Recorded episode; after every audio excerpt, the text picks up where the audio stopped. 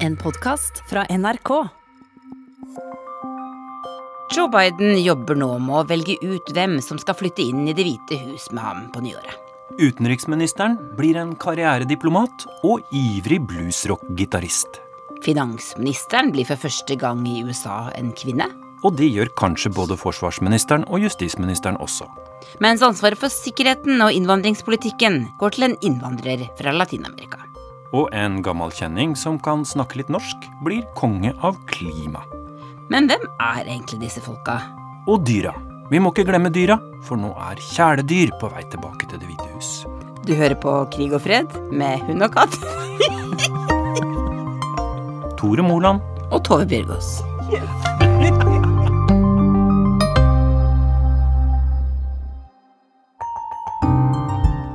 It's a team that reflects the fact that America is back, ready to lead the world, not retreat from it. Laget mitt er satt sammen for å vise at Amerika er tilbake og klar for å lede verden igjen, sier Joe Biden. Tove, hva slags team er det den påtroppende presidenten driver og setter sammen nå? Jeg tror det er ett ord som kan beskrive det teamet, og det er eh, establishment. Eller Sumpen, som eh, Donald Trump liker å kalle henne. Dette er folk med veldig, veldig mye politisk og byråkratisk erfaring, og mange mennesker som Joe Biden har kjent i flere tiår. Disse folka har gått på Harvard, de har gått på Princeton, de har gått på Yale. De har stort sett gått på Harvard.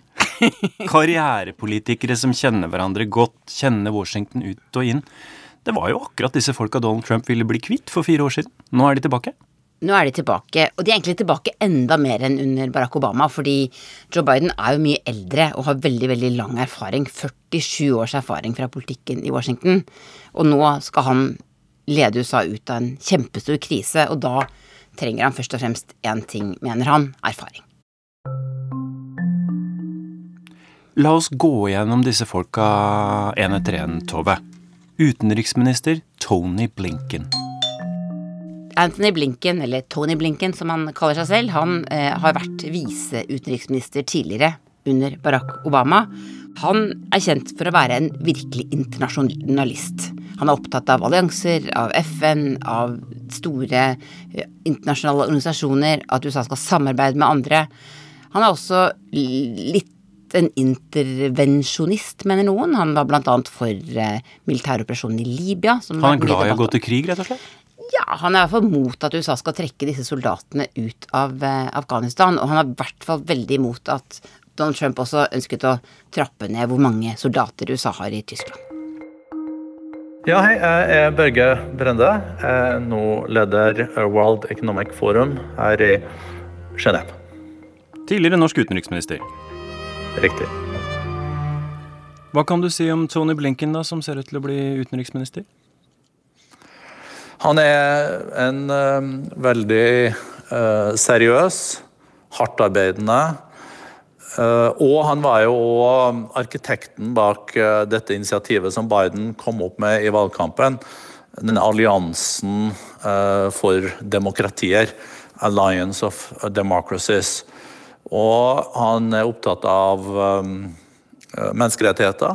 Han er opptatt av at USA skal være en rollemodell eh, i så måte. At USA skal spille en aktiv rolle i å forsøke å skape en mer eh, inkluderende verden. Dette er seriøse, eh, dyktige folk. Børge Brende, du har kanskje reist mer enn de fleste av oss, og du har vært en hyppig gjest i Washington. Hvor mange ganger har du vært der, egentlig? Det vet jeg ikke.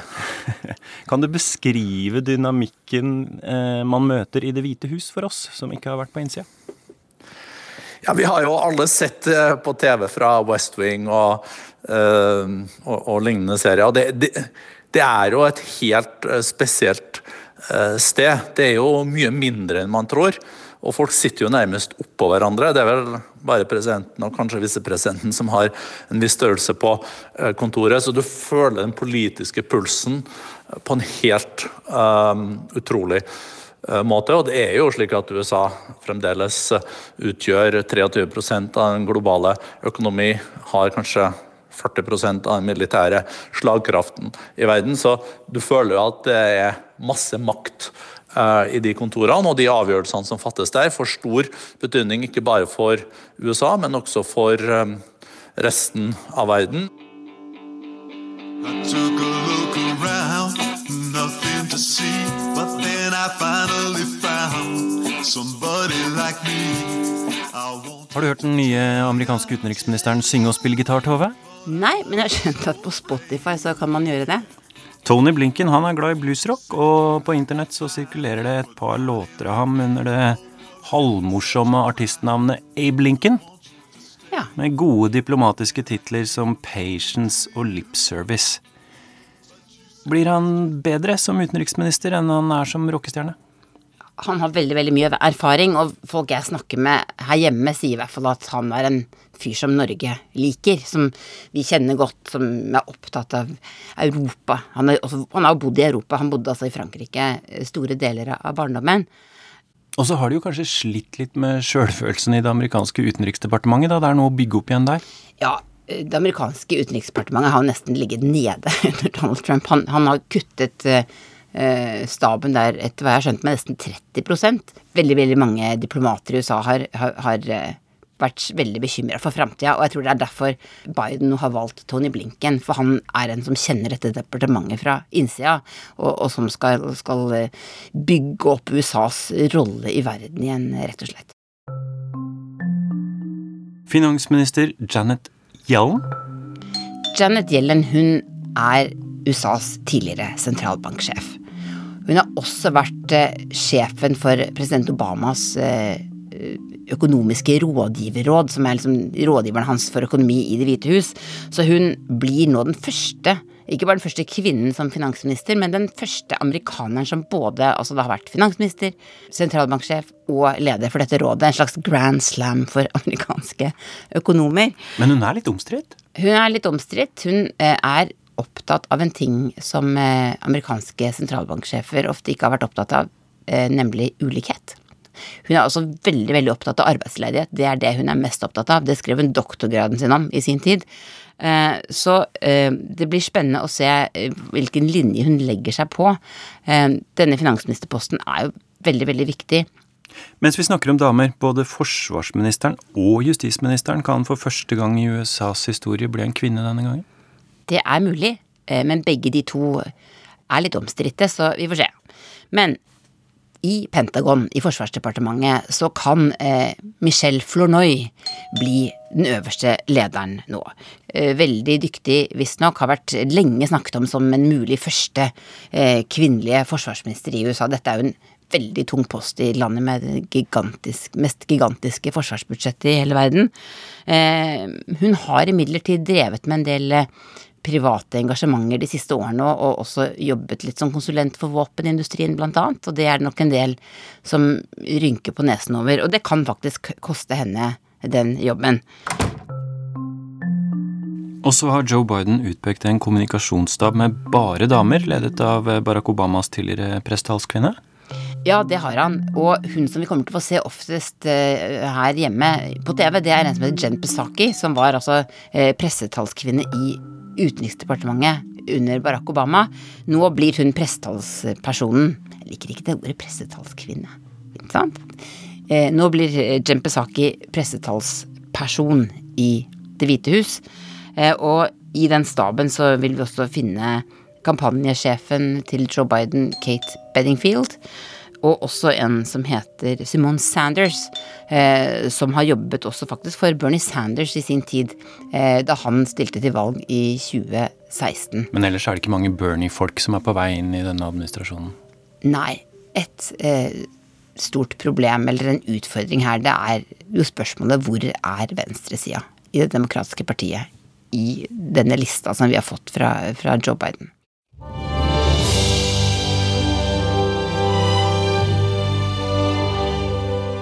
Noen av oss er eh, litt glad i TV-dramaserien West Wing om en amerikansk president og staben hans, så vi har tulla litt med det i Krig og fred før, vi, Tove.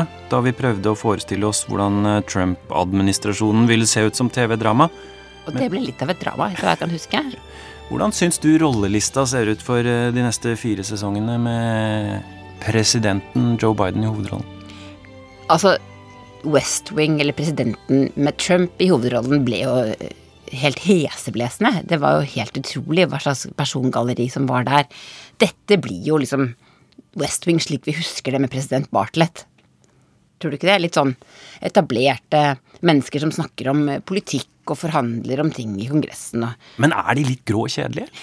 Ja, de er jo det, og det er masse erfaring, og det er veldig, veldig mange eksempler på denne svingdøra i USA som går mellom eh, Det hvite hus, Kongressen, lobbyfirmaer, eh, store konsulentfirmaer som jobber for staten, og store selskaper, og Wall Street. Og så går de rundt og rundt i den døra. Så er det også eksempler på f.eks. Eh, utenriksminister Anthony Blinken som møtte eh, sin nåværende kone da i Det hvite hus, der hun var taleskriver og han var rådgiver. Også en historie vi vel har sett i West Wing. So, what's next? We're done. Fantastic. Du, I TV-serien så har vi også lært at stabssjef i Det hvite hus, det er en veldig viktig jobb. Mektig jobb. Og den jobben går nå til eh, Ron Klein. Hvem er han? Ron Klein er eh, en mann jeg ikke kjenner så godt til, men Joe Biden kjenner han veldig godt. For han har jobba med Biden i mange, mange, mange år. Både da han var visepresident og, og, og, tidligere. Eh, han ser ut som en som kanskje har brukt mye tid på kontoret og ikke så mye tid på treningsstudioet. Er det lov å si det? Men eh, han er en veldig, veldig erfaren eh, eh, byråkrat, rett og slett. Hans oppgave nå er jo også å hjelpe til med å rekruttere mange av disse menneskene som skal jobbe for Biden. Ja, han er establishment, og det er de òg. Og så er det altså en innvandrer fra Latin-Amerika, en cubansk flyktning, som skal holde landet trygt.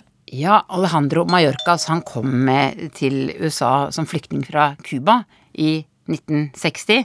Og han eh, skal da lede dette kjempestore departementet for innenlands sikkerhet. Det som ble opprettet etter eh, terrorangrepene for snart 20 eh, år siden. Eh, og eh, dette er jo et departement som har drevet veldig mye med innvandringspolitikken til Trump de siste årene, som har fått masse kritikk og blitt ettergått i mediene for å ha skilt barn fra foreldrene på grensen og mange andre ting. Så nå blir det altså en helt annen type person som skal lede det departementet. Men han kommer altså der fra Cuba, og akkurat i den eh, eh diasporaen blant cubansk-amerikanere så var det faktisk ganske mange som stemte på Donald Trump igjen. Den tidligere både utenriksministeren og presidentkandidaten John Kerry får kanskje den kuleste tittelen av alle sammen her, for han blir klimatsar. En slags overordna klimaminister.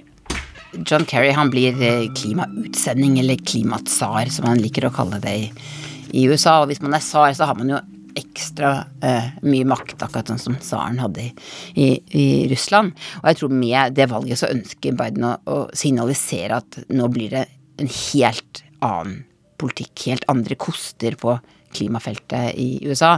Nå skal USA inn igjen i Parisavtalen, der han har lovet at det er det første han skal gjøre når han setter seg ned i det ovale kontor eh, 21.1, blir det vel. Eh, og så eh, skal USA bli en leder i det internasjonale klimaarbeidet. Eh, og da eh, har han valgt en, en veldig, veldig kjent person til å lede det arbeidet. Jeg heter Espen Barth Eide. Jeg er stortingsrepresentant for Arbeiderpartiet. Jeg har tidligere vært utenriksminister og forsvarsminister og jobbet mye internasjonalt, bl.a. I FN som fredsmegler. Espen Barth Eide, du har vært i kontakt med John Kerry etter at han fikk denne jobben. Hva sa du til ham? Jeg har vært i kontakt med Kerry eh, flere ganger i det siste. Først gratulerte jeg etter at Biden vant, og sa at jeg var veldig glad for å se at demokratene var tilbake. Og så uttrykte jeg et håp om at vi ville se han, altså Kerry, i en sentral rolle. Og når det så ble klart at han ble den nye klimatsaren, som de kaller det, eh, så tok jeg kontakt igjen, og da svarte han umiddelbart at eh, han var glad for hilsen, og at eh, her har vi ingen tid å miste. Så på klimafronten er han faktisk en eh, vaskeekte klimaaktivist. Og det har han vært eh, egentlig siden før han ble utenrikspolitiker. Helt tilbake til hans studentdager på 60-tallet. Så var han med på de, de første store demonstrasjonene for miljø, da, det het jo ikke klima den gangen, men var veldig engasjert i, i, dette for altså over 50 år siden og hatt dette som en gjennomgående tråd. Så at han nå har fått en nøkkelplass i Det nasjonale sikkerhetsrådet og skal samordne hele administrasjonens arbeid med klima, det er eh, både, tror jeg, det er som drømmejobben for Kerry nå. Jeg tror dette var mer interessant for han enn å bli utenriksminister en gang til, for dette er det han brenner for, men også et veldig tydelig signal om at Biden ønsker å bli en klimapresident, altså som virkelig vil sette denne tross alt verdens viktigste utfordring veldig høyt på dagsorden. Jeg kan si um, tusen takk, takk for det. Ja. Ja, jeg vil en med sjokolade. Og så snakker John Kerry faktisk litt grann norsk, noe vår kollega Jan Espen Kruse greide å få bekrefta tilbake under presidentvalget i 2004. I heard you know the phrase uh, 'jeg elsker deg'? Ja, jeg elsker deg. and all that. Any old flames in Norway? No, unfortunately, I, I was not, you know, either old enough or successful enough. Faren til John Kerry var diplomat i Oslo på 1960-tallet, og han kan si både melkesjokolade og 'tusen takk' og 'jeg elsker deg'. Det er ikke verst, bare det. ja. Eh, det betyr faktisk noe i internasjonal politikk at eh, ledere har direkte god kontakt. Altså Veldig mye internasjonalt samarbeid er jo formalisert og strukturert, og det er departementer og forberedende og sånne ting, men til slutt, når store avtaler skal inngå, store beslutninger tas, så skjer de viktigste beslutningene skjer på toppen. Eh, og da er det å ha direkte adgang og direkte kontakt og liksom ha en forhåndsetablert kjemi faktisk eh, ikke ubetydelig. Så det tror jeg Norge vil kunne klare å utnytte. Joe Biden sjøl, hvordan vil du beskrive han? Eh, han er eh, jovial. Han, er, eh, han har den egenskapen som en del veldig gode amerikanske erfarne politikere har. at de du får i hvert fall inntrykk av at du er veldig viktig for dem. Kjenner igjen folk og, og, og, når, og, er veldig til stede når du snakker med dem, selv om det kan være en kort samtale. Og så har jeg merket meg at han er en som er litt sånn romslig med klokkeslett og sånn. Du kan ikke nødvendigvis regne med at han dukker opp akkurat når han skal, for han kanskje har stoppet og prata med noen på veien. og sånn, er liksom Litt den type person. I've long said that America leads not only by the example of our power, but by the power of our example. Tove, nå har Joe Biden akkurat fylt 78 år, og han har vært 50 år i politikken. Han kjenner jo alle. Hva slags folk er det han ser etter? Han ser tydeligvis etter folk med veldig mye erfaring og de berømte credentialsene, som man sier på engelsk. Hva heter egentlig det på norsk? Papirer fra fine universiteter og attester fra, fra både byråkratiet og, og politikken og, og, andre steder. Eh, Joe Biden selv har jo ikke gått på Harvard. Han gikk på University of Delaware, han. Gjorde det ikke så veldig bra heller? Nei, han fikk helt sånn Ja, han fikk C i de fleste fag, visstnok. Men nå eh, er det han som er sjefen, og, og, da ønsker han å ha med seg all den eh, erfaringen han kan få fra alle de menneskene han har møtt i, i Washington. Alle de som hadde bedre karakterer enn ham på universitetet? Ja, det kan virke litt sånn. Men hovedoverskriften her, når vi nå beveger oss inn i 2021 og en ny amerikansk administrasjon, er at dette blir business as usual også. You're fired. You're fired. You're all fired. Tove, jeg har prøvd å telle hvor mange folk Donald Trump egentlig har gitt sparken i løpet av sin fire år lange snart presidentperiode. Det var litt vanskelig, men visstnok har da 91 av A-laget hans slutta eller fått sparken i løpet av denne tida. Blir det mer stabilt styre med Joe Biden i Det hvite hus? Helt sikkert. Jeg tror de eneste jeg kan komme på i farten som Donald Trump ikke har sparket, det er sin egen svigersønn, eh, Jared Kushner. Så er det den innvandringspolitiske rådgiveren hans, Steven Miller, som har skrevet mange av disse talene som har fått så mye oppmerksomhet. Og så er det finansminister Steven Mnuchin. Jeg er helt sikker på at eh, laget til Biden eh, kommer til å sitte trygt eh, ganske lenge. Og det som er viktig for Biden nå, det er jo å komme i gang med jobben. Eh, det er en kjempesvær oppgave som venter både å gjenoppbygge økonomien og kjempe mot pandemien. Og så er det det å forsøke å bevare amerikanernes tillit eh, mens man gjør det, og ikke bli oppfattet som bare liksom insider og, og maktmennesker. Ja, for der lurer jeg på, nesten halvparten av velgerne i USA stemte jo da på Donald Trump, og enda flere er vel skeptiske til disse tradisjonelle karrierepolitikerne i Washington. Er det noen som helst grunn til å tro at Team Biden skal ta Amerika med storm, liksom? Nei, jeg tror egentlig ikke det. Han har jo selv en veldig sånn jovial tone. Altså Biden er jo en mann som kan snakke til alle typer mennesker. Let's just try to get along. Altså Kan vi ikke bare prøve å komme sammen og bli venner og, og jeg skal kjempe for dere som, som, stemte på Trump også. Men han sier det på en veldig folkelig måte. Eh, så, så, det blir spennende å se eh, hvordan han selv kommer til å opptre eh, foran dette laget. Og så er jeg veldig spent på å se hva som kommer til å skje i Det demokratiske partiet. Og så var det disse dyra da, Tove. Ja, Major. Det er lang tradisjon for at presidenten har med seg et kjæledyr eller to. Men Donald Trump han hadde ikke noen firbente venner, han. Nei, han hadde ikke det som jeg fikk med meg, i hvert fall. Men det har Joe Biden. Det har Joe Biden. Og uh, du husker kanskje Barack Obama som snakket om at han skulle kjøpe hund til døtrene sine når han takket uh, for seieren i, i 2008. Den uh, portugisiske vannhunden Bo ble jo en populær figur i Det hvite hus. Og den hunderasen ble jo ekstremt populær i det nabolaget der jeg bodde i Washington i, i årene etterpå. Ja, Og Bill Clinton hadde katt? Socks. Ja, Socks ja. og Buddy. De gikk jo tur med hunden når det, når det var Monica Lewinsky-saken var på, på høyden, husker jeg. Og fra gamle dager så er det sånne avsindige historier om at folk har hatt både krokodiller og hyener og slanger og litt av hvert. Ja, hvem var det som hadde krokodille? Det var noe som hadde var Calvin Coolidge. Var det Coolidge som hadde krokodille? Jeg er ikke helt sikker. Jeg tror han hadde to krokodiller i Det hvite hus. Ja, der skjer det.